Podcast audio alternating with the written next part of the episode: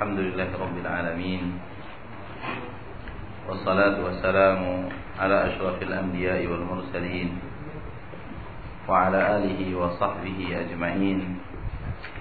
أشهد أن لا إله إلا الله وحده لا شريك له وأشهد أن محمدا عبده ورسوله صلى الله عليه وعلى آله وأصحابه ومن تبعهم بإحسان إلى يوم الدين وسلم تسليما كثيرا. يا أيها الذين آمنوا اتقوا الله حق تقاته ولا تموتن إلا وأنتم مسلمون. يا أيها الناس اتقوا ربكم الذي خلقكم من نفس واحدة وخلق منها زوجها وبث منهما رجالا كثيرا ونساء واتقوا الله الذي تساءلون به والأرحام. إن الله كان عليكم رقيبا. يا أيها الذين آمنوا اتقوا الله وقولوا قولا سديدا. يصلح لكم أعمالكم ويغفر لكم ذنوبكم. ومن يطع الله ورسوله فقد فاز فوزا عظيما. أما بعد kaum muslimin wal muslimat rahimani wa rahimakumullah. Kembali Allah Subhanahu wa taala memberikan kesempatan kepada kita memberikan nikmat kepada kita untuk duduk mempelajari ilmu yang pernah diajarkan oleh Rasulullah sallallahu alaihi wasallam kepada kita umatnya. Dan ilmu ini adalah ilmu yang paling mulia di permukaan bumi yaitu ilmu tauhid yang diwajibkan oleh Allah Subhanahu wa taala secara fardu ain kepada seluruh muslim dan muslimah. Ilmu yang menjauhkan mereka daripada kesyirikan yang bisa membawa mereka ke dalam surga Allah Subhanahu wa taala.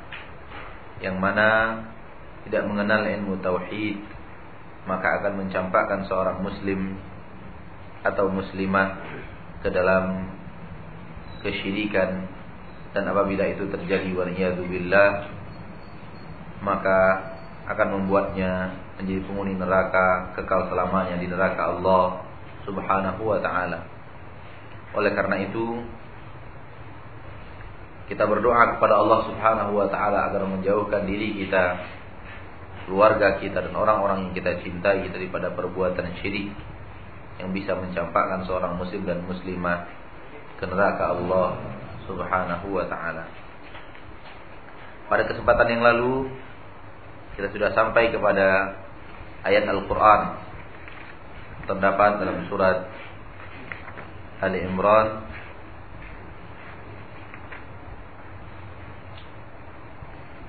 Allah Subhanahu wa taala berfirman Huwallazi anzala 'alaikal kitab minhu ayatun muhkamatun hunna umul kitab alladhina fi qulubihim zayghun fayattabi'una ma tashabaha minhu ibtigha'a al-fitnati wa ibtigha'a ta'wilihi wa ma ya'lamu ta'wilahu illa Allah war-rasikhuna fil 'ilm. Yaquluna amanna bihi kullun min 'indi rabbina wa ma yadhakkaru illa ulul albab.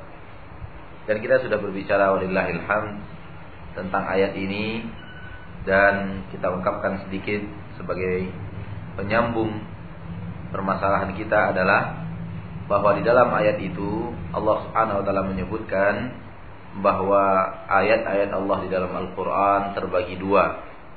Yang pertama disebut dengan ayat-ayat muhkamat dan dialah inti yang jelas dan tegas apa yang Allah inginkan di dalam Al-Qur'an dan Allah juga menyebutkan bahwa sebahagian ayat-ayat Al-Qur'an mutasyabihat maknanya samar-samar.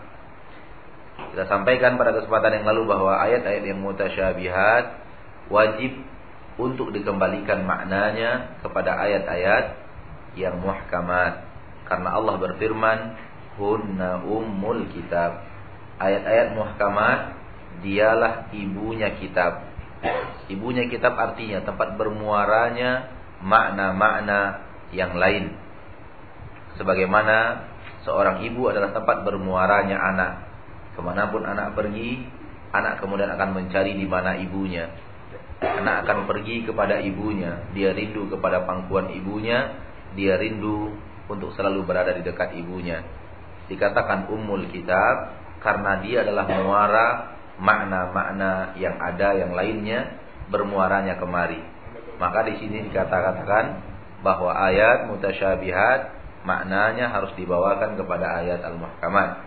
Pada kesempatan yang lalu kita tekankan, di sinilah kita dibutuhkan untuk mengetahui mana ayat-ayat yang muhkamat, mana ayat-ayat yang mutasyabihat.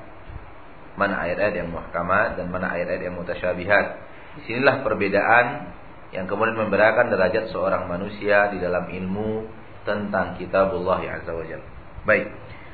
Kemudian kita lanjutkan sebagaimana yang ada tertera di dalam ayat, adapun orang-orang yang di hatinya ada zail, penyelewengan, ada penyakit, kebiasaan mereka adalah mengikuti ayat-ayat yang mutasyabihat.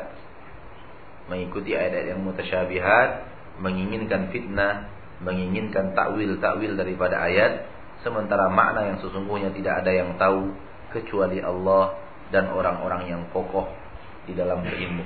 Warrasikhuna fil ilm. Kita katakan kemarin bagi yang datang hari ini pada datang tidak pada, tidak datang pada kesempatan yang lalu di dalam kitab hanya sampai wa ma ya'lamu ta'wilahu illallah. Harus dilanjutkan dengan warasikhuna fil ilm yaquluna aman nabi sampai akhir.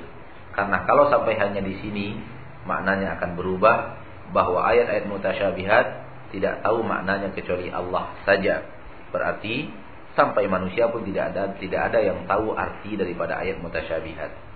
Mungkin karena manusia mempunyai kekurangan, manusia memiliki kekhilafan, kesalahan. Beliau pengarang kitab hanya sampai menukilkan ayat sampai di sini. Padahal kalau ayat dinukilkan sampai di sini saja, maka artinya akan terputus, artinya ada yang kurang, bahkan artinya salah. Wa ma ya'lamu ta'wilahu illallah. Tidak ada yang tahu takwilnya, tafsirnya kecuali Allah saja. Berarti tidak ada seorang pun yang tahu kecuali hanya Allah dan itu bukan tidak itu makna yang diinginkan oleh Al-Qur'an. Karena setelah ayat ini masih ada sambungannya warrasikhuna fil dan orang-orang yang kokoh di dalam di dalam ilmu. Berarti ayat-ayat itu diketahui oleh orang-orang yang kokoh ilmunya. Makanya tepat kita bertanya. Baik, sampai di sini pertemuan kita pada kesempatan yang lalu. Kita lanjutkan. Waqad sahha an Rasulillah sallallahu alaihi wasallam. Dan sungguh telah sahih datangnya dari Rasulullah sallallahu alaihi wasallam annahu qala. Beliau berkata idza ra'aita alladziina yattabi'una ma tashabaha minhu faulaika alladziina sammallahu fahdharuhum. Apabila engkau melihat melihat orang-orang yang mengikuti apa-apa yang samar-samar dari Al-Qur'an apabila engkau mengikuti engkau melihat Orang-orang yang senantiasa mencari-cari dan mengikuti ayat-ayat yang mutasyabihat, ayat-ayat yang maknanya samar-samar, mereka larikan kepada apa yang mereka inginkan maknanya tersebut dari Al-Qur'anul Karim, faulaika alladziina sammallahu, maka mereka lah orang-orang yang telah Allah sebutkan. Allah sebutkan di sini maknanya apa? Allah sebutkan fa'ammal ladina fi qulubihim zaygun. Mereka adalah orang-orang yang di dalam hatinya ada ada kecondongan kepada kesesatan, ada kecondongan daripada kebenaran, daripada kebenaran. Faulaika alladziina sammallah. Mereka lah orang-orang yang telah Allah sebutkan. Fahdharuhum, maka jauhilah mereka. Maka jauhilah mereka. Hadis ini sahih diriwayatkan oleh Imam Bukhari dan diriwayatkan oleh Imam Muslim. Ikhwani wa akhwati fid din, rahimani wa rahimakumullah. Hadis Nabi ini sallallahu alaihi wasallam memberikan kita sebuah kaidah di dalam beragama. Kaidah itu adalah apabila kita sudah melihat seseorang tidak lagi mengemukakan Al-Qur'an dan hadis dalam berpendapat. Apabila kita melihat orang sudah lari daripada pemahaman Al-Qur'an dan hadis Rasulullah sallallahu alaihi wasallam atau kalau ataupun dia mencari Al-Quran dan Hadis yang dicarinya adalah yang mutasyabihat daripada ayat. Untuk mendukung apa yang mereka inginkan. Rasulullah memberikan sebuah pondasi di dalam hadis ini, jangan dekati mereka. Fahdharuhum, hindari mereka. Ikhwani wa akhwati fid din, rahimani wa rahimakumullah.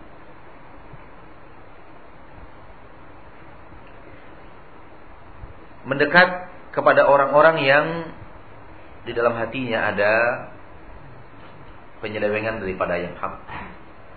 Apatah lagi mendengarkan kata-kata mereka, mendengarkan uraian-uraian mereka, sepakat para ahli ilmu bahwa hal seperti itu berbahaya.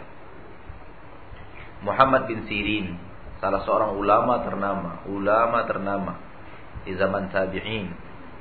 Muhammad bin Sirin, ulama ternama, salah satu di antara ulama yang disebut dengan fuqaha as-sab'ah. Seorang tujuh orang faqih di dalam masa tabi'in. Datang kepada kepadanya seorang yang dikenal dengan ahlul ahwa mengikuti hawa nafsunya dan tidak mau patuh kepada kitabullah dan hadis Rasulullah SAW dan ingin berkata-kata di depan Muhammad bin Sirin. Muhammad bin Sirin menutup telinganya dan berkata, saya tidak akan mendengarkan apa pun dari anda. Saya tidak mendengarkan apa pun dari anda.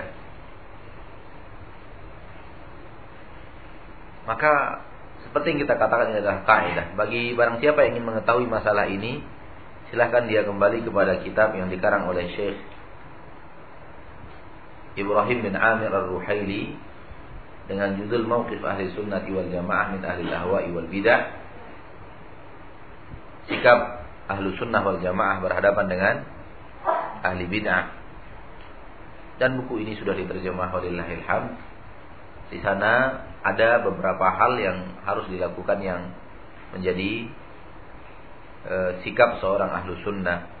Apabila dia tahu dai yang berbicara di depannya, orang yang berbicara di depannya adalah orang yang tidak patuh kepada Al-Quran dan hadis.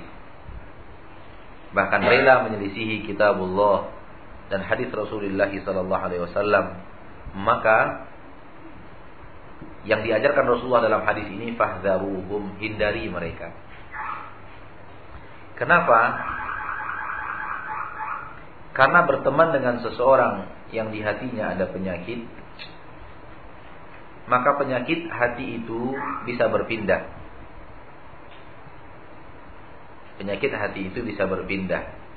Orang yang di dalam hatinya ada zair, kita dengarkan perkataannya, maka tidak tertutup kemungkinan bahwa zair, penyelewengan-penyelewengannya itu bisa masuk ke dalam jiwa kita.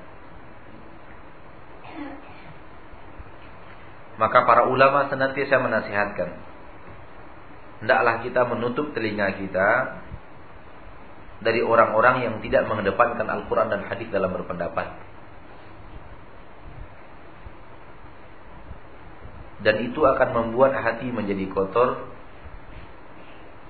Bahkan bisa membuat hati kita menjadi malah terperangkap di dalam pemahaman-pemahaman salah.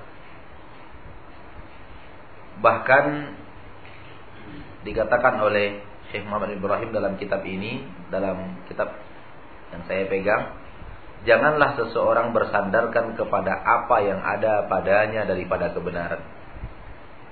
Mendengarkan mereka dengan bersandarkan dengan apa yang telah dia ketahui daripada kebenaran. Artinya, saya kan sudah tahu yang hak. Saya sudah lama mengaji, saya sudah saya sudah mengerti memilah-milah mana yang benar mana yang salah.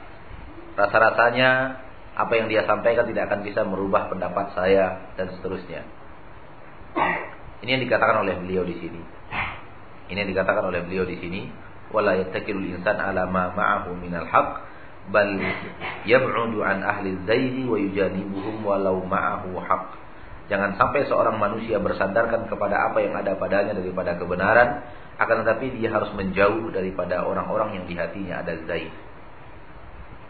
Akan tetapi apabila seseorang ditemukan berpendapat namun ketika didatangkan kepadanya Al-Qur'an dan hadis dia tunduk dan patuh kepada Al-Qur'an dan hadis, orang seperti ini harus didekati. Karena apa? Karena apa yang dia sampaikan mungkin karena ketidaktahuan dan kurangnya orang-orang yang datang kepadanya memberitahu kebenaran kepadanya. Tetapi kalau sudah yakin kita bahwa orang ini pendapatnya tidak ditinggalkan walaupun berhadapan dengan Al-Qur'an, walaupun berhadapan dengan hadis, cukupkan sampai di situ kita mendengarkan apa yang dia sampaikan, jauhkan diri kita dari mereka. Karena sesungguhnya begini, kehancuran itu terbagi dua.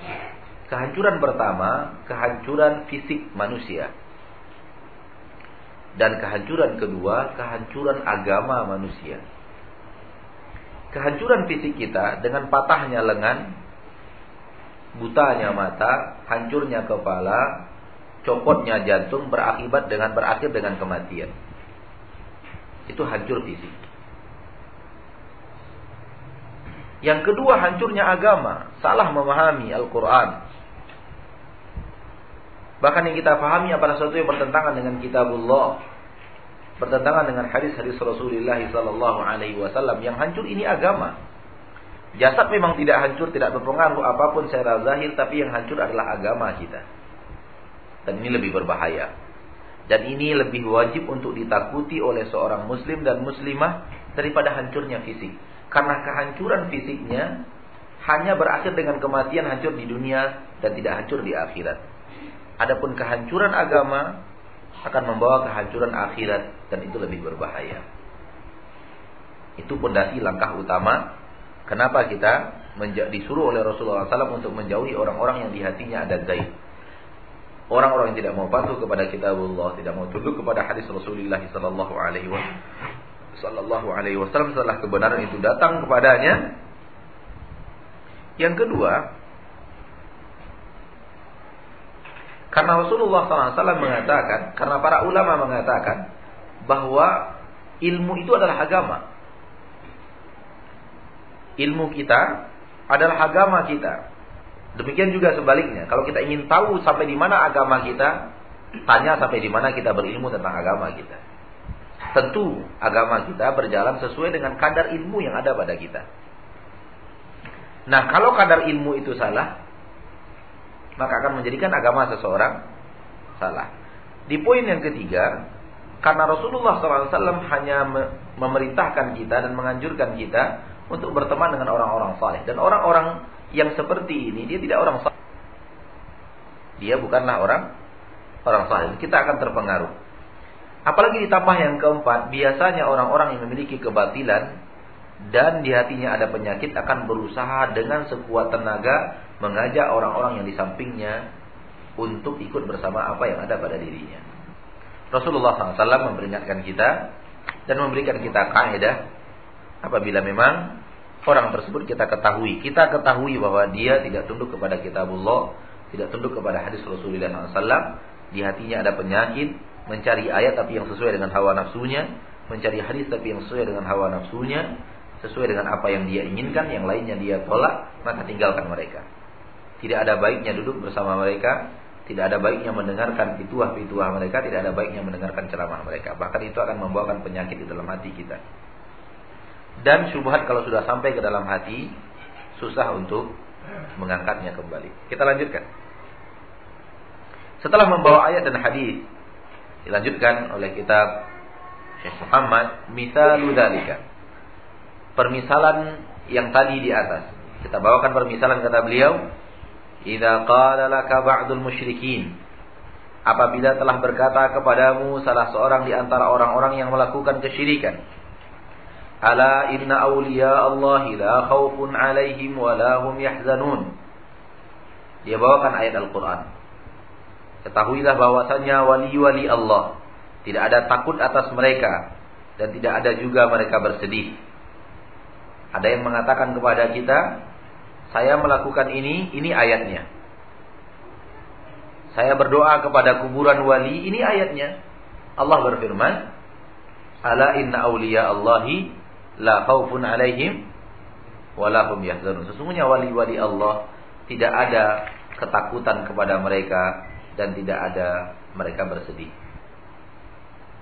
Ketika kita menasihati orang, agar dia tidak berdoa kepada selain Allah kepada kuburan wali yang dianggap wali lalu beribadah di sana minta kepada wali kesembuhan minta kepada wali dan wali-wali kuburan-kuburan yang mereka anggap wali atau minta kepada wali walaupun wali itu hidup untuk memakmurkan melancarkan rezekinya dan semacamnya, kita minta dia, kita dakwahi dia untuk meninggalkan itu, dia berdalil dengan ayat ini. Ini misal menjawab menjawab jawaban ahli batil dengan cara jawaban yang global, yaitu mengembalikan yang mutasyabihat kepada yang muhkamat. Atau dia berdalil, inna syafa'ata haq. Kenapa engkau mengingkari aku berdoa kepada para wali? Bukankah syafaat itu benar-benar ada? Bukankah syafaat itu benar-benar ada? Lalu dia membawakan mungkin hadis-hadis tentang keberadaan syafaat. Bahwa akan ada syafaat. Atau ayat-ayat yang menerangkan bahwa akan ada syafaat di di akhirat. Wala yashfa'una illa liman. Dan mereka tidak akan memberikan syafaat kecuali kepada orang-orang yang diridhoi. Wala uh, man dzalladzi yashfa'u indahu illa biizni. Siapa lagi yang akan memberikan syafaat di sisi Allah kecuali dengan izinnya. Ayat-ayat ini menandakan adanya syafaat. Bukankah Anda tahu bahwa syafaat itu ada? Yang saya minta daripada wali adalah syafaat. Karena syafaat itu ada. Yang saya minta adalah syafaat dan syafaat itu ada. Kemudian dia tambahkan, "Au annal anbiya ilahum jahun indallah." Bukankah para nabi dan para rasul mereka adalah orang yang memiliki posisi yang sangat hebat di sisi Allah? Bukankah mereka adalah orang yang mulia di sisi Allah? Kami berdoa kepada kuburan para wali, kami berdoa di kuburan para nabi, karena para nabi adalah orang-orang yang di sisi Allah memiliki kedudukan. Semua ini, semua perkataan mereka ini sebenarnya tidak sesuai dengan apa yang mereka kerjakan. Ini perlu kita ketahui.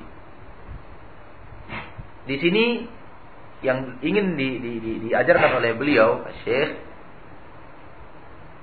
jangan sampai mereka menarik dalil yang tidak menginginkan apa yang mereka kerjakan, lalu ayat tersebut mereka tarik kepada makna yang mereka inginkan. Apa yang mereka inginkan? Coba lihat. Ketika mereka berdoa kepada wali di kuburan wali, minta kepada wali, minta kesembuhan, minta tanamannya di, di, di, disuburkan, minta keamanannya ditingkatkan, minta hmm, jabatannya dilanggengkan, minta karirnya dinaikkan atau segala macam. Ketika kita larang dia berdoa, yang kita larang dia berdoa kepada wali, dia berdalil dengan ayat ini. Coba lihat, antara apa yang dia kerjakan dengan dalil yang dia bawa tidak tidak tidak apa? Tidak tidak sinkron, tidak connect, tidak ada koneksi sama sekali. Yang dia lakukan berdoa kepada wali, ayat yang dia bawa bukanlah ayat yang menyuruh berdoa kepada wali. Akan tetapi ayat yang dia bawa ayat umum bahwa wali Allah tidak ada rasa takut untuk mereka, tidak ada rasa sedih. Ayat hanya berbicara tentang itu. Sesungguhnya wali Allah tidak ada rasa takut kepada mereka, tidak ada rasa sedih. Padahal yang dia lakukan bukan hanya itu, bukan hanya sesuai dengan ayat ini. Kalau hanya sampai kepada ayat itu kita setuju, namun dia tarik makna ayat kepada sesuatu yang dia, yang dia inginkan. Di sini kita harus mawas kaum muslimin dan muslimat, terutama dalam berdiskusi ketika mereka berdalil dengan ayat. Ya, bagi kita kita yang diberikan kemampuan oleh Allah Subhanahu wa untuk berdiskusi, hendaklah ketika orang-orang mendatangkan dalilnya, kita mengerti bahwa mereka salah dalam menempatkan dalil. Ini sudah jelas, sudah jelas salah. Mereka berdoa, meminta sesuatu kepada wali, lalu berdalil dengan ayat, sesungguhnya wali Allah tidak ada rasa takut kepada mereka dan tidak ada rasa sedih. Apa hubungan antara ayat dengan apa yang mereka kerjakan? Tak ada sama sekali. Mereka berdoa kepada wali. Mereka berdoa di kuburan para nabi dan para rasul seperti yang ada di Palestina dan yang lainnya. Katanya itu ada kuburan Nabi Yakub, ada kuburan Nabi Ibrahim, ada kuburan Nabi Isa, ada kuburan di beberapa tempat. Bahkan kabarnya kuburan Nabi Ibrahim ada tiga di permukaan bumi sekarang. Tadi mana yang satu yang benar? Kata di Palestina ada, di Mesir ada, di di Yordania ada. Tiga kuburan. Entah mana yang benar kuburan itu. Tapi yang jelas bahwa benar atau tidak benarnya kuburan itu, pekerjaan seperti itu terlarang dalam agama Islam.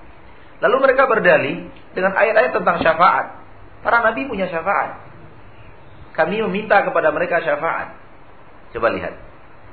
Ayat bercerita tentang para nabi akan memberikan syafaat di akhirat. Ayat bercerita tentang para nabi dan para rasul akan memberikan syafaat dengan izin Allah terhadap mereka dan izin Allah Subhanahu wa taala terhadap siapa yang akan menerima syafaat di akhirat. Dan ayat sedikit pun tidak berbicara bahwa nabi dan para rasul bisa menyembuhkan penyakit ketika mereka di dalam kuburnya, bisa mendatangkan rezeki ketika mereka di dalam kuburnya. Diberikan kekuatan oleh Allah Subhanahu wa taala untuk meninggikan karir ketika mereka sudah berada di alam barzah. Ayat sama sekali tidak menyentuh itu. Dan itu yang mereka kerjakan. Itu yang mereka kerjakan.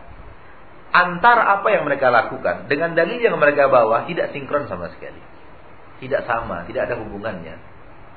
Dan kejelian inilah yang patut kita kita kuasai dalam melihat argumentasi para orang-orang yang berdalih dengan ayat Al-Quran dan hadis Nabi SAW tentang apa yang mereka inginkan. Dan sudah kita katakan bahwa Syekhul Islam Ibnu Taimiyah punya keahlian yang luar biasa dalam masalah ini tidak tertandingi. Atau mereka berdalih bahwasanya para nabi dan para rasul itu mempunyai posisi yang tinggi di sisi Allah Subhanahu wa taala. Permasalahan ini tidak kita ingkari sama sekali. Bahwa nabi dan rasul adalah manusia yang terbaik dan posisi mereka paling bagus di sisi Allah Subhanahu wa taala. Karena mulia mereka itulah, karena dekat mereka itulah maka mereka ditunjuk dan di, dan di, diamanahkan oleh Allah untuk menerima wahyu dan menyampaikannya kepada manusia. Itu tidak kita ingkari. Namun yang kita ingkari adalah perbuatan mereka. Nah, di sini perlu ikhwani akhwadin untuk ikhwani ini untuk kita jeli melihat dalil orang-orang musyrikin. Au dzakara kalaman Nabi sallallahu alaihi wasallam atau dia menyebutkan suatu perkataan dari Nabi sallallahu alaihi wasallam yastadillu bihi ala syai'in min batilihi. Yastadillu bihi ala syai'in min batilihi. Dia berdalil dengannya dengan perkataan Nabi tersebut ala syai'in terhadap sesuatu min batilihi dari batilnya dia, dari kebatilannya dia. Dia melakukan satu kebatilan lalu mencari dan menyebutkan sabda Rasulullah untuk berdalil dengan sabda Rasulullah atas sesuatu yang batil yang dia kerjakan. Wa anta la tafhamu ma'na al-kalam alladhi dzakarahu. Sementara engkau tidak tahu apa makna daripada perkataan yang dia sebutkan. Artinya Anda tidak tahu bahwa ayat tersebut menginginkan apa yang diinginkan oleh mereka. Maksudnya adalah bahwa ayat tersebut tidak sedikit pun menyentuh apa yang mereka inginkan. Atau memang kita tidak tahu sama sekali tafsiran ayat sama sekali. Tafsiran ayat itu dibawakan, makna kata-kata itu dibawakan. Tidak tahu sama sekali kita maknanya. Dan kita tidak bisa menjawab dalil mereka. Andai kita bisa mengerti maknanya itu akan lebih mudah kita untuk mematakan. Andai sekarang betul-betul tidak faham sama sekali. Fajawibhum. Maka jawablah mereka biqaulika dengan ucapanmu dengan ucapan jawaban global. Kita masih berbicara tentang masalah jawaban global. Jawaban akan saya bagi kepada dua, jawaban global dan jawaban terperinci. Jawab mereka dengan jawaban global. Yaitu cari ayat-ayat yang jelas-jelas menegaskan bahwa berdoa kepada selain Allah dilarang. Itu ayatnya tegas. Jawab mereka dengan ayat-ayat bahwa kita telah dilarang oleh Al-Quran, dilarang oleh Nabi Sallallahu Alaihi Wasallam untuk berdoa kepada selain Allah. Mari kita lihat apa yang beliau bawakan. Fajawibhum biqaulika, jawab mereka dengan dengan perkataanmu dengan kamu mengatakan innallaha dzakara fi kitabihi. Sesungguhnya Allah Subhanahu wa taala telah menyebutkan di dalam kitabnya annalladzina fi qulubihim zayghun bahwa orang-orang yang di hatinya ada penyakit yatrukunal muhkam wa yattabi'unal mutasyabih. Mereka akan meninggalkan ayat-ayat yang muhkam, al-muhkamat dan akan mereka akan mengikuti ayat-ayat yang mutasyabihat. Wa ma dzakartahu wa laka? Dan apa yang saya ucapkan kepadamu yang apa yang saya sebutkan kepadamu min annal musyrikina yuqirruna birrububiyah. Bahwasanya orang musyrikin mereka adalah orang-orang yang telah mengakui akan adanya rububiyah Allah Subhanahu wa taala. Wa annahu kaffarahum. Dan Allah Subhanahu wa taala mengkafirkan mereka orang-orang musyrikin bita'alluqihim 'alal malaikati wal anbiya'i wal awliya'i. Allah kafirkan mereka karena mereka bergantung bergantung kepada malaikat, bergantung kepada para nabi, bergantung kepada para wali. Ma'a qaulihim bersertaan dengan itu mereka mengucapkan haula'i syufa'auna indallah. Mereka adalah orang-orang yang akan memberikan syafaat kepada kami di sisi Allah. Ini pertama. Ya. Bahwa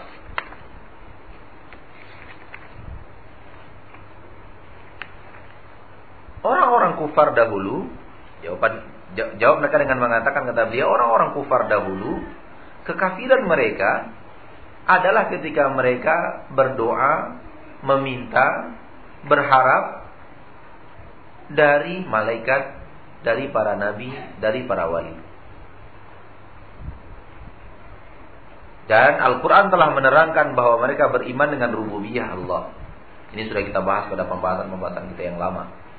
Orang musyrikin ber, ber, ber, berkeyakinan sepenuh keyakinan tentang rububiyah Allah yang menciptakan langit, Allah yang menciptakan bumi, Allah yang menciptakan saya, Allah yang memberi rezeki saya, Allah yang begini, Allah yang begitu. Namun mereka kemudian berdoa kepada malaikat. Mereka berdoa kepada para nabi, mereka berdoa pada wali. Dan apa yang Anda ucapkan bahwa Anda inginkan dari para wali syafaat sama dengan apa yang diinginkan oleh para musyrikin di zaman Nabi. Lihat apa yang mereka ucapkan di dalam Al-Qur'an, haula'i syufa'auna indallah. Mereka adalah orang-orang yang akan memberikan syafaat kepada kami di sisi di sisi Allah. Coba lihat, persis. Ini jelas. Orang-orang musyrikin jelas.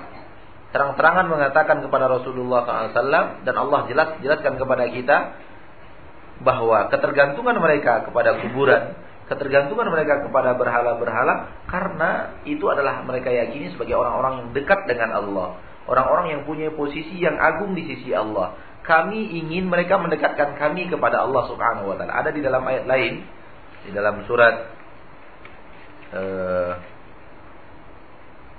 terdapat dalam surat Az-Zumar Coba lihat Az-Zumar ayat 3. Terdapat dalam surat Az-Zumar ayat 3 Orang-orang musyrikin mengatakan kepada Rasulullah SAW ma na'buduhum illa liyuqarribuna ilallahi zulfa. Kami sebenarnya tidak menyembah mereka.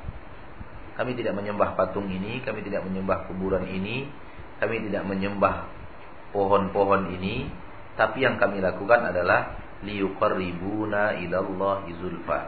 Agar kemudian mereka-mereka ini yang punya posisi di sisi Allah punya keagungan di sisi Allah mendekatkan kami kepada Allah sedekat-dekatnya. Ini jelas. Ini jelas. Orang-orang kufar di zaman Nabi telah dinyatakan kekufurannya. Orang-orang musyrik di zaman Nabi telah dianggap bahwa mereka itu musyrik dan tidak masuk Islam karena mereka ingin ada yang lain yang mendekatkan diri mereka kepada Allah. Mereka berharap dari sesuatu, bergantung kepada sesuatu yang mana mereka dekatkan diri mereka kepada sesuatu tersebut agar kemudian sesuatu itu mendekatkan mereka kepada Allah Subhanahu wa taala. Ini jelas, ini tegas. Ini yang saya tahu dari Al-Qur'anul Karim. Maka apa yang Anda katakan saudaraku? Soal ayat tadi, la khaufun alaihim wa lahum yahzanun, tidak ada hubungannya dengan masalah ini. Masalah Anda lebih dekat dengan masalah ayat yang dalam surat Az-Zumar ini lebih dekat dengan surat yang ada dalam surat Yunus ini. Menjadikan sesuatu sebagai pemberi syafaat antara Anda dengan Allah Subhanahu wa taala. Kemudian jawab juga mereka dengan ayat-ayat Al-Qur'anul Karim yang melarang orang berdoa kepada selain Allah. Di dalam Al-Quran Allah subhanahu wa ta'ala berfirman dalam surat Al-Jin.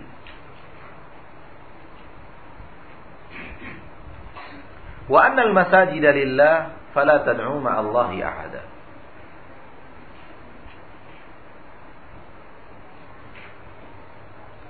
bahwasanya masjid-masjid adalah milik Allah. Fala tad'u ma'allahi ahada. Janganlah engkau berdoa kepada sesuatu bersamaan dengan doamu kepada Allah. Fala tad'u ma'allahi ahada. Jangan berdoa kepada seseorang pun ma'allah bersamaan dengan Allah. Artinya berdoa kepada Allah juga, berdoa kepada mereka juga.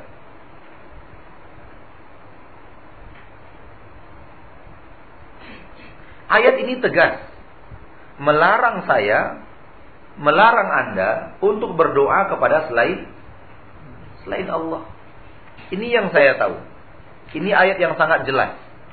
Adapun dalil yang Anda bawa tadi sangat tidak jelas sekali maknanya. Samar-samar bagi saya. Saya tidak paham itu. Saya tidak mengerti bahwa ayat yang menerangkan wali Allah Subhanahu wa taala tidak ada takut pada mereka, tidak ada rasa sedih pada mereka. Itu artinya mereka boleh diminta sesuatu. Boleh kita berdoa di kuburannya minta kepadanya. Itu artinya boleh kita minta agar dia melapangkan rezeki kita, agar dia memudahkan jodoh kita. Sama sekali saya tidak bisa paham bahwa ayat itu maknanya adalah apa yang kamu inginkan. Memang Allah bercerita bahwa para nabi dan para rasul akan memberikan syafaat dengan izin Allah. Bahkan bukan hanya para nabi dan para rasul, orang-orang saleh, para wali-wali Allah hidup di permukaan bumi yang Allah ridhoi, mereka akan memberikan syafaat. Para hufazul Quran, orang-orang syuhada, orang-orang saleh, anak-anak yang wafat sebelum mereka balik akan memberikan syafaat. Pertolongan di yaumil mahsyar kelak. Saya tahu itu. Tapi saya tidak tahu bahwa dalil-dalil semua itu menunjukkan bahwa kita boleh minta sesuatu kepada mereka di dunia ketika mereka sudah wafat. Sama sekali dalil yang Anda bawa tidak mengena dengan dengan dengan permasalahan yang kita diskusikan. Sama sekali dalil yang Anda bawa tidak berkenaan dengan permasalahan yang sekarang kita diskusikan. Saya yang sekarang saya larang Anda, saudaraku, adalah jangan berdoa kepada mereka. Jangan minta dari mereka. Karena mereka tidak bisa apa pun yang bisa mengatur alam ini adalah Allah. Bukan mereka pemilik alam ini. Itu yang saya katakan kepada Anda. Namun Anda kemudian datang dengan mengatakan mereka punya posisi di sisi Allah. Saya tidak ingkari. Saya tidak ingkari mereka punya posisi yang kuat di sisi Allah. Posisi mereka ribuan jutaan kali di atas posisi kita. Saya tidak ingkari itu. Tapi saya tidak paham bahwa dalil ini mengatakan mereka punya posisi yang agung di sisi Allah, minta sesuatu kepada mereka. Itu tidak ada. Dan di dalam dalil yang Anda bawakan pun tidak ada keterangan tentang masalah itu. Dan saya tidak tahu bahwa ayat yang Anda bawakan maknanya adalah itu. Yang saya tahu hanyalah orang-orang musyrikin dikafirkan oleh Allah Subhanahu wa taala karena mereka meminta sesuatu kepada para nabi dan para rasul. Kuburan-kuburan mereka, orang-orang saleh. Para malaikat Orang Nasrani dikafirkan oleh Allah permintaan mereka kepada Isa. Orang Yahudi dikafirkan oleh Allah permintaan mereka kepada Uzair. Itu yang saya tahu. Dan di dalam Al-Quran, saya tidak tahu ayat berapa nih. Di dalam Al-Quran terjadi eh, diskusi yang Allah ceritakan di akhirat antara Allah dengan malaikat. Antara Allah dengan dengan malaikat. Siapa yang tahu ayatnya? Kalau beritahu ayatnya, tolong kita. Kalau yang tahu ayatnya, silakan sebutkan supaya kita bisa buka di dalam Al-Quran. Saya tolong ambil Al-Quran. Al-Ma'idah kalau saya tidak khilaf Al-Ma'idah. Menerangkan bahwa orang-orang dulu juga mengibadati malaikat. Mereka juga beribadah kepada malaikat. Sebentar. Tentang Nabi Isa yang ada di dalam surah Al-Maidah. Intinya dalam hadis dalam ayat itu Allah Subhanahu wa taala menceritakan Allah bertanya kepada malaikat, "Aha iyyakum kanu ya'budun?" Apakah mereka-mereka ini benar dalam pernyataan mereka bahwa mereka menyembah kalian? Aha iyyakum kanu ya'budun? Apakah benar mereka ini kepada kalian mereka menyembah karena mereka menyatakan bahwa mereka menyembah apa? Berdoa kepada kepada malaikat. Allah tanya malaikat nanti di akhirat. Aha ulai iyyakum kanu ya'budun? Apakah benar mereka-mereka ini berdoa kepada kalian, meminta kepada kalian, beribadah kepada kalian? Malaikat menjawab, "Bal kanu ya'budunal jinna aktsaruhum bihim mu'minun." Tidak ya Allah, bahkan sebenarnya mereka itu beribadah kepada jin, kebanyakan mereka beriman kepadanya. Kebanyakan mereka beriman kepadanya. Ya, ini bagus sekali. Ada kita dapatkan. Maka sesungguhnya orang-orang yang merasa mendekatkan dirinya kepada malaikat, sebenarnya yang mengaku-mengaku malaikat kepada mereka itu adalah jin yang ingin menyeret menyeret mereka ke dalam kekafiran, yang ingin menyeret mereka ke dalam kesyirikan.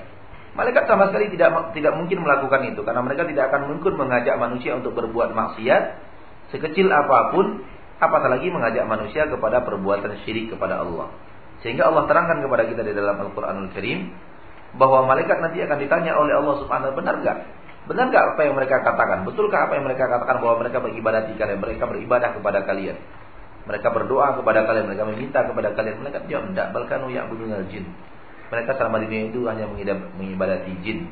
Berarti jin-jin itu datang mengaku sebagai para malaikat. Insya Allah nanti atau pertemuan berikutnya insya Allah kita bawakan. Jadi orang-orang kufar, orang-orang musyrikin Mekah dikafirkan oleh Allah Subhanahu wa taala karena mereka bergantung kepada malaikat, bergantung kepada nabi, Nasara, bergantung kepada wali. Seperti bergantungnya kaum-kaum Nabi Nuh alaihi salam kepada lima orang-orang saleh yang mereka anggap orang saleh Wad, Yahud, Ya'uq, Suwa, wa Nasr Allah kafirkan mereka dengan ketergantungan mereka dan mereka berdoa kepada hal seperti itu yang saya tahu. Bahkan dengan tegas Allah Subhanahu wa taala mengatakan di dalam Al-Qur'an surat Al-Jin wa annal masajida lillah fala tad'u ma'allahi ahada. Bahwasanya masjid-masjid adalah milik Allah, jangan kalian berdoa kepada sesuatu selain Allah bersamaan dengan doa kalian kepada Allah Subhanahu wa taala. Ini yang jelas. Permasalahan kita ada dalam ayat ini dan bukan dalam ayat yang Anda bawakan. Kita lanjutkan apa yang dibawakan oleh Syekh di sini. Hada amrun muhkamun bayin. Katakan kepada mereka, ini permasalahan yang jelas dan muhkam. Jelas maknanya tidak bisa dirubah-rubah. Ke mana pun Anda coba untuk merubah maknanya tidak bisa. Jangan berdoa kepada selain Allah. Jangan minta kepada selain Allah. Ke mana pun kan. Mau malaikat dia, mau nabi dia, mau apa dia tidak boleh. Jangan minta kepada mereka. Ini ayat ini tegas, muhkam. Maknanya jelas. Bayin, tegas, jelas, terang. Dan sesuai dengan topik pembahasan kita. Ayat yang betul-betul klop, betul-betul nyambung dengan apa yang sedang kita bicarakan. Saya melarang Anda berdoa kepada selain Allah. Anda berdalih bahwa ini adalah malaikat, Anda berdalih ini adalah para nabi, para wali dengan mendatangkan argumentasi mereka adalah orang yang dekat. Saya tidak mengingkari mereka orang yang dekat para para para nabi dan para malaikat. Tapi yang saya ingkari adalah Anda berdoa kepada mereka karena Allah telah melarang Anda di dalam ayat yang jelas wa annal masajid lillahi fala tad'u ma'allahi ahada. Ini ada kita lanjutkan hada amrun muhkamun bayyin. Ini adalah masalah yang sangat muhkam, yang sangat tegas, bayyin sangat jelas. La yaqdiru ahadun an yughayyira. Tidak akan ada seorang pun yang bisa merubah maknanya. Pertanda Allah tidak mengizinkan kita berdoa kepada siapa pun. Kalau kita ingin menambahkan, tambahkan dengan ayat-ayat yang menyuruh kita berdoa langsung kepada Allah. Ud'uni, berdoalah kepadaku. Astajib lakum. Idza sa'alaka ibadi anni fa inni qarib. Ujibu da'watad da'i idza da'ani. Da'ani, berdoa kepadaku Berarti Allah subhanahu wa ta'ala menyuruh kita berdoa kepadanya. Dan melarang kita berdoa kepada selain Allah subhanahu wa ta'ala. Wa ma dzakartahu li dan apa yang engkau sebutkan kepadaku ayyuhal musyrik wahai Anda yang telah berbuat syirik minal Quran dari ayat-ayat Al-Quran atau kalamin Nabi Sallallahu Alaihi Wasallam atau apa yang anda bawakan kepada aku daripada kata-kata Rasulullah SAW, la a'rifu makna. Saya nggak paham maknanya. Bagi saya apa yang anda bawa mutasyabihat. Apa yang anda bawa mutasyabihat. Saya tidak paham maknanya sama sekali. Tidak paham di sini bisa bermakna dua seperti yang kita katakan tadi, bisa bermakna kita nggak paham sama sekali. Atau bisa bermakna saya tidak tahu bahwa dalil Anda itu ke situ larinya. Dan itu tuh posisinya lebih tinggi. Saya tidak mengerti bahwa ayat dan hadis yang Anda bawakan maknanya adalah apa yang Anda kerjakan.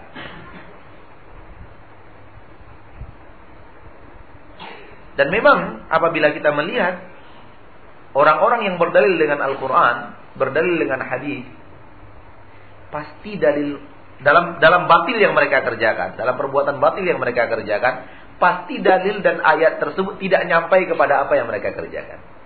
Itu pasti.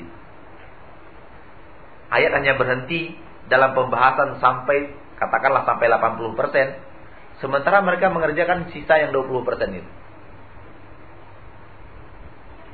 Orang-orang yang berdalil dengan zikir berjamaah hanya berdalil dengan ayat-ayat Al-Qur'an, "Uzkurullah", berzikirlah kalian kepada Allah. Kita tidak kita tidak tidak apa? tidak tidak mengingkari ayat ini kita disuruh berzikir. Suruh banyak-banyak berzikir. Dibawakan hadis-hadis Nabi sallallahu alaihi wasallam, sabaqal mufarridun. Lebih dahulu masuk surga mufarridun. Sabaqal mufarridun sebanyak tiga kali sabaqal mufarridun. Siapa mereka mufarridun wahai Rasul? Alladzina lam yazal lisanul muradban an dzikrillah. Orang yang lisan mereka senantiasa basah berzikir kepada Allah. Itu dalil mereka akan berzikir berjamaah. Kita tidak mengingkari. Coba lihat. Apa yang mereka lakukan tidak sinkron dengan ayat dan hadis yang mereka bawakan. Hai orang yang beriman berzikirlah kepada Allah. Ya, kita akui. Karena tidak mungkin kita bertolak belakang dengan Al-Quran. Rasulullah mengatakan orang yang rajin berzikir kepada Allah akan lebih dahulu masuk surga yang lisan mereka senantiasa berzikir kepada Allah. Kita akui itu. Kita kita menyerah kepada Al-Quran dan hadis. Kita tidak berani melawannya. Di dalam surah Al-Ahzab, orang yang berzikir kepada Allah laki-laki yang banyak, perempuan yang banyak berzikir kepada Allah, Allah siapkan untuk mereka maghfiratan wa ajran azima, ampunan dan pahala yang besar. Kita akui itu ya. Akan tetapi mana dari ayat ini yang sampai kepada topik pembahasan Anda, sampai kepada apa yang Anda lakukan. Ayat menyuruh berzikir, yang Anda lakukan sekarang berzikir bersama-sama dipimpin oleh seseorang, diikuti ramai-ramai satu suara. Mana ayat ini yang membawa kepada apa yang Anda lakukan? Saya tidak paham bahwa ayat ini maksudnya adalah apa yang Anda lakukan sekarang. Saya tidak paham bahwa ayat ini maknanya adalah apa yang Anda lakukan sekarang. Gak tahu saya. Saya disuruh berzikir, saya berzikir. Saya disuruh banyak-banyak berzikir, saya akan banyak-banyak berzikir. Akan tetapi, sekarang permasalahan kita bukan berzikir. Soal berzikir, saya dan Anda sepakat. Saya soal berzikir, saya dan Anda sepakat kita harus banyak berzikir kepada Allah. Harus banyak mengingat Allah. Usahakan lisan kita selalu basah dengan zikir kepada Allah Subhanahu wa taala. Akan tetapi permasalahan kita bukan zikirnya, Pak. Permasalahan kita bukan zikirnya, Pak Ustadz permasalahan kita cara melaksanakannya rame-rame, cara melaksanakannya dipimpin, cara melaksanakannya pakai suara besar, pakai mikrofon, dan hanyut di dalam zikir bersama-sama. Ini yang kita permasalahkan, bukan zikirnya. Jadi sekali lagi, orang-orang yang di hatinya ada zair, mengambil ayat Al-Quran, dan melarikan makna itu kepada sesuatu yang mereka inginkan, yang di dalam ayat itu tidak ada. Yang di dalam ayat itu tidak ada sama sekali. Hey, orang-orang yang beriman, berzikirlah kalian kepada Allah. Mana ayat ini yang tegas menerangkan dengan cara begini? Datang seorang ustaz duduk di depan, pimpin bersama-sama. Mana ayat ini? Tidak ada, tidak ada, tidak ada hubungannya antara ayat ini dengan permasalahan yang terjadi. Kecuali hanya lafaz zikir yang keluar dari lisan mereka. Nah itu dia. Jadi sekali lagi kita katakan bahwa saya tidak paham ayat ini. Saya tidak mengerti. ayat yang Anda bawakan untuk dalil Anda saya tidak paham sama sekali. Yang saya tahu yang saya tahu adalah Allah melarang saya untuk berdoa kepada selain Allah. Yang saya tahu Rasulullah Sallallahu Alaihi Wasallam tidak pernah berzikir bersama-sama seperti ini. Itu yang saya tahu permasalahan. Walakin kita lanjutkan. Walakin aqta'u anna kalam Allah la yatanaqad. Akan tetapi saya sangat yakin bahwasanya kalamullah perkataan Allah la yatanaqad tidak akan mungkin bertabrakan maknanya, bertentangan maknanya. Wa anna kalaman Nabi sallallahu alaihi wasallam dan bahwasanya perkataan Nabi sallallahu alaihi wasallam la yukhalifu kalam Allah azza wa jal. Kalam Nabi, perkataan Nabi tidak akan mungkin menyelisihi kalamullah, perkataan Allah, firman-firman Allah azza wa jal. Saya sangat percaya itu. Jawab mereka dengan cara yang seperti ini. Jawab mereka dengan cara yang seperti ini. Oleh karena itu, karena saya yakin bahwa kalamullah tidak akan bertentangan, makna yang samar-samar yang tidak jelas yang Anda bawakan, saya harus larikan kepada makna yang muhkam. Dan itu perintah daripada Al-Qur'anul Karim. Hunna ummul kitab. Perintah daripada Al-Qur'anul Karim. Dan saya tidak boleh mencari-cari makna yang mutasyabihat ini karena sudah ada keterangan yang jelas di dalam Al-Qur'anul Karim. Begini keadaannya.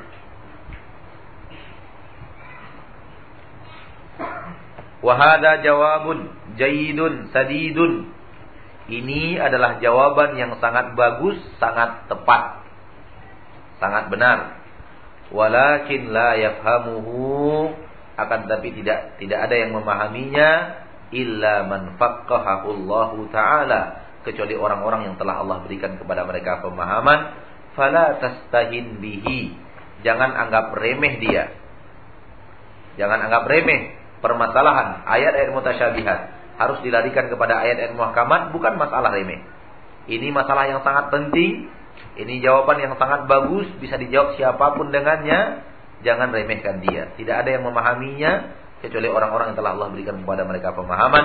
Fa innahu kama qala ta'ala sesungguhnya dia seperti firman Allah Subhanahu wa taala wa ma yulaqaha illa alladziina sabaru wa ma yulaqaha illa dzu adzim tidak ada yang mendapatkannya kecuali orang-orang yang sabar tidak ada yang mendapatkannya kecuali orang-orang yang telah diberikan jatah yang sangat hebat di dalam agama mereka. Maksudnya di sini adalah Ayat ini wa may yulaqaha illa alladziina sabaru wa may yulaqaha illa dzu adzim bukanlah dalam masalah kesyirikan. Tapi ayat ini terdapat dalam surat Fussilat ayat 35 berbicara tentang berbicara tentang apabila orang berbuat yang jahat kepada kita balas dengan sesuatu yang baik.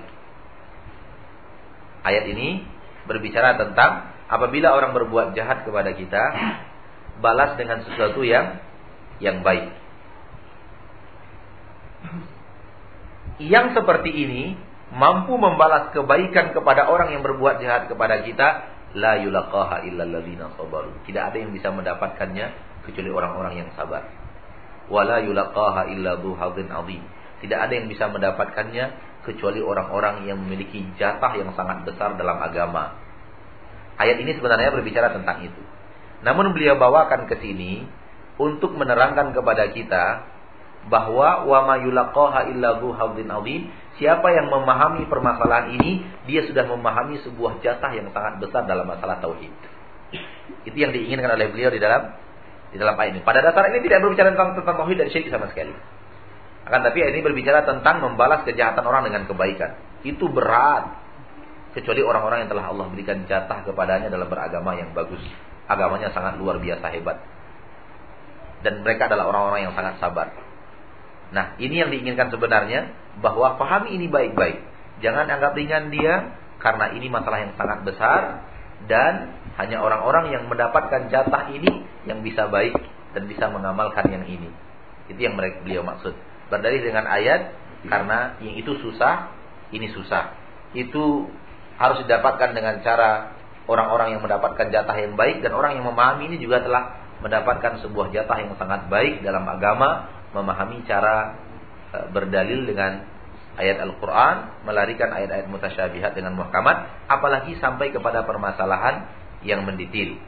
Bahwa ini ini ini mutasyabihat, paham kita. Oh, dia ini lari dari dari judul ayat. Oh, dia telah lari dari judul hadis.